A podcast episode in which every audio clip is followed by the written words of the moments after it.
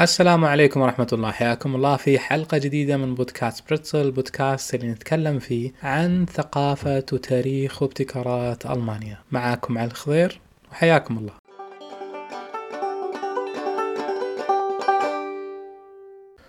من هو موجود الآن في ألمانيا؟ راح يشوف هناك الكثير من المدن الألمانية وخصوصا في مقاطعة كولونيا اللي في موجود فيها كولن ومدينة دوسلدورف والمدن الثانية. إنه في احتفالات كبيرة جدا وأيضا اللي ساكن في جنوب ألمانيا أيضا راح يشوف هذه الأمور إنه في احتفالات كبيرة جدا بعضهم يسميها كرنفال بعضهم يسميها Fasching وهذه الاحتفالات لها قصة تاريخية وإحنا راح نعرضها في هذا البودكاست وأيضا راح نتكلم عن بعض الأخبار المختلفة في ألمانيا لا تروحوا بعيد.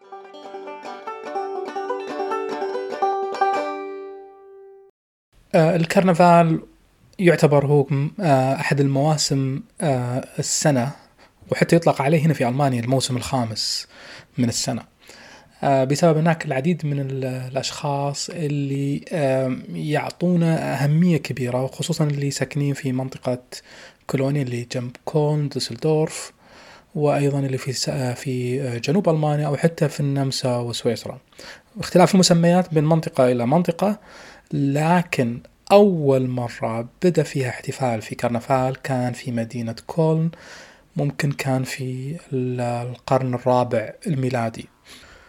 والسؤال اللي دائما يتبادر هل هناك وقت محدد للاحتفالات بالكرنفال؟ عادة ما تكون له تاريخ معين في السنة لكنه مربوط بيوم معين هو يوم الأربعاء آه الرماد الكبير اللي هو آه، قبل آه، الصيام اللي يصومونه الناس في ألمانيا. فالناس تصوم من يوم الأربعاء رماد الكبير إلى آه، عيد الفصح تقريبا حوالي أربعين ستة وأربعين يوم. وأتت فكرة الكرنفال هي من كلمة كرنفال في اللغة اللاتينية الكرنفال اللي هو وداع اللحوم. فخلال فترة الصيام قديما يمتنع الأشخاص عن اللحوم كجزء من الديانة المسيحية ويكون من يوم الأربعاء الرماد الكبير إلى عيد الفصح فعيد الفصح يبدأ الناس يعودون لأكل اللحم فلذلك يوم الكرنفال أو أيام الكرنفال اللي تكون عادة من يوم خميس إلى يوم أربعاء الأفكار القديمة أنه الناس تاكل أشياء اللي ممكن تخترب أثناء فترة الصيام لكن في الأيام الحالية يكون في مهرجانات كبيرة وتوزيع الحلويات. وغدا الاثنين اللي يسمى روز المونتاج هو أعلى آه، وأكثر أيام يتم فيها الاحتفال في ألمانيا بالكرنفال. فلذلك تلقى في بعض المناطق تسكر الشوارع تكون في مسارات معينة باصات آه، بكمية بأشخاص بأشكال لابسين أشكال ملابس معينة وزي آه، أشكال البهلوانية. يكونون عندهم آه، هدايا أثناء مرور أثناء مرور السيارات في الشوارع في أشخاص أصلا واقفين على بين بين على على مسار الطريق كامل وتاخذ الهدايا اللي يلوحها الأشخاص أثناء مرورهم. لكن دائما السؤال هل هذا كان قديما نفس كذا ولا لا؟ طبعا قديما ما كان في هذا الشيء. زي ما قلت إنه هذه الفكرة جاء تقريبا في القرن الرابع الميلادي. كانوا الناس يعني يحرصون على الخروج بملابس معينة بألوان ممكن تكون قاتمة أو ألوان زاهية لكن يحرصون على لباس أقنعة. هذه الأقنعة تكون على شكل أرواح شريرة.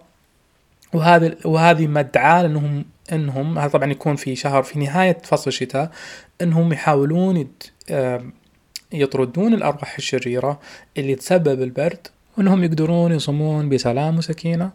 وهذا الصيام يخليهم يتذكرون بما مر فيه حسب إيمانهم واعتقادهم في في دينهم المسيحي إنهم يتذكرون بما مر فيه آه، آه، المسيح خلال وجوده في الصحراء حسب قولهم وذكرهم.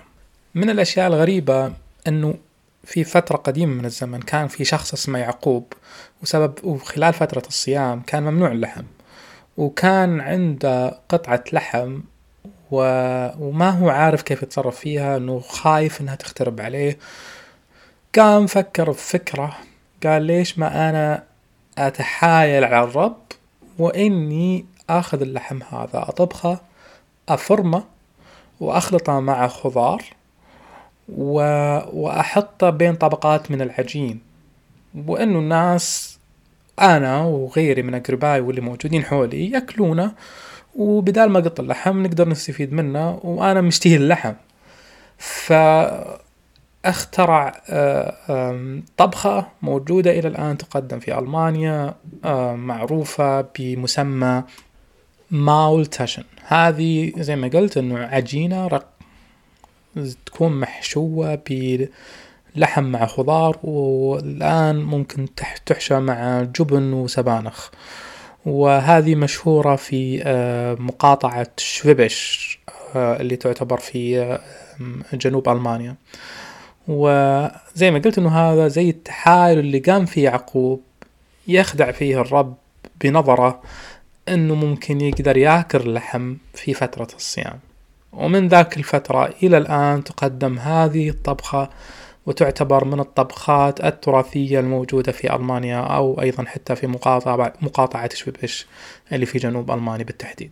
فإذا كنت موجود الآن في ألمانيا راح تشوف الناس خارجة في آه، في هذه الأيام خلال اليومين ثلاث أيام الجاية بملابس معينة ولابسين أقنعة وهناك احتفالات وحتى كلمات تردد آه، بشكل متكرر زي هيلو أهوي آلاف هذه أشهر الكلمات اللي ممكن يقولونها الناس أثناء احتفالهم في هذه الأيام.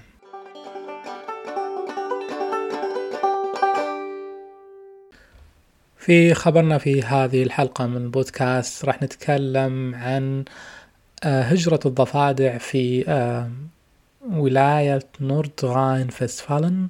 هذه تكون الهجرة السنوية من منطقة إلى منطقة حيث أنه تكون عدد يمكن حوالي مئة ألف ضفدع ينتقل بعد نهاية السبات الشتوي وسبب ارتفاع درجات الحرارة في ولاية نوردغاين فيستفالن من منطقة إلى ضفة أخرى لبداية التفريخ. ويتساعد ويهتم الكثير من من المختصين في مجال الطبيعة وأيضا المتطوعين في المدن الكبيرة والمدن الصغيرة على سلاسة انتقال هذه الضفادع من من منطقة إلى منطقة أخرى. فلذلك يحرصون على وضع إشارات معينة أنه ترى الآن في مرحلة انتقال ضفادع وأيضا ممكن حتى درجة أنه يحطون زي آه، آه، الأحواض الخاصة اللي الضفادع تتح... اثناء تحركها راح تسقط فيها ويتم جمعهم ونقلهم بشكل بشري إلى المنطقة الثانية أو إنه تكون يرسم لها آه، أسياج معينة تقوم بالضفادع بالتحرك من منطقة إلى منطقة. تكون المنطقة هذه ألف متر ألفين متر ممكن توصل إلى بعد إلى بعد كيلو أو كيلوين متر. إناث الضفادع تكون أكبر حجما من آه ذكور الضفادع. فبالتالي تحمل الذكور على ظهورهم وتنتقل بهم من المنطقة الألف إلى منطقة باء.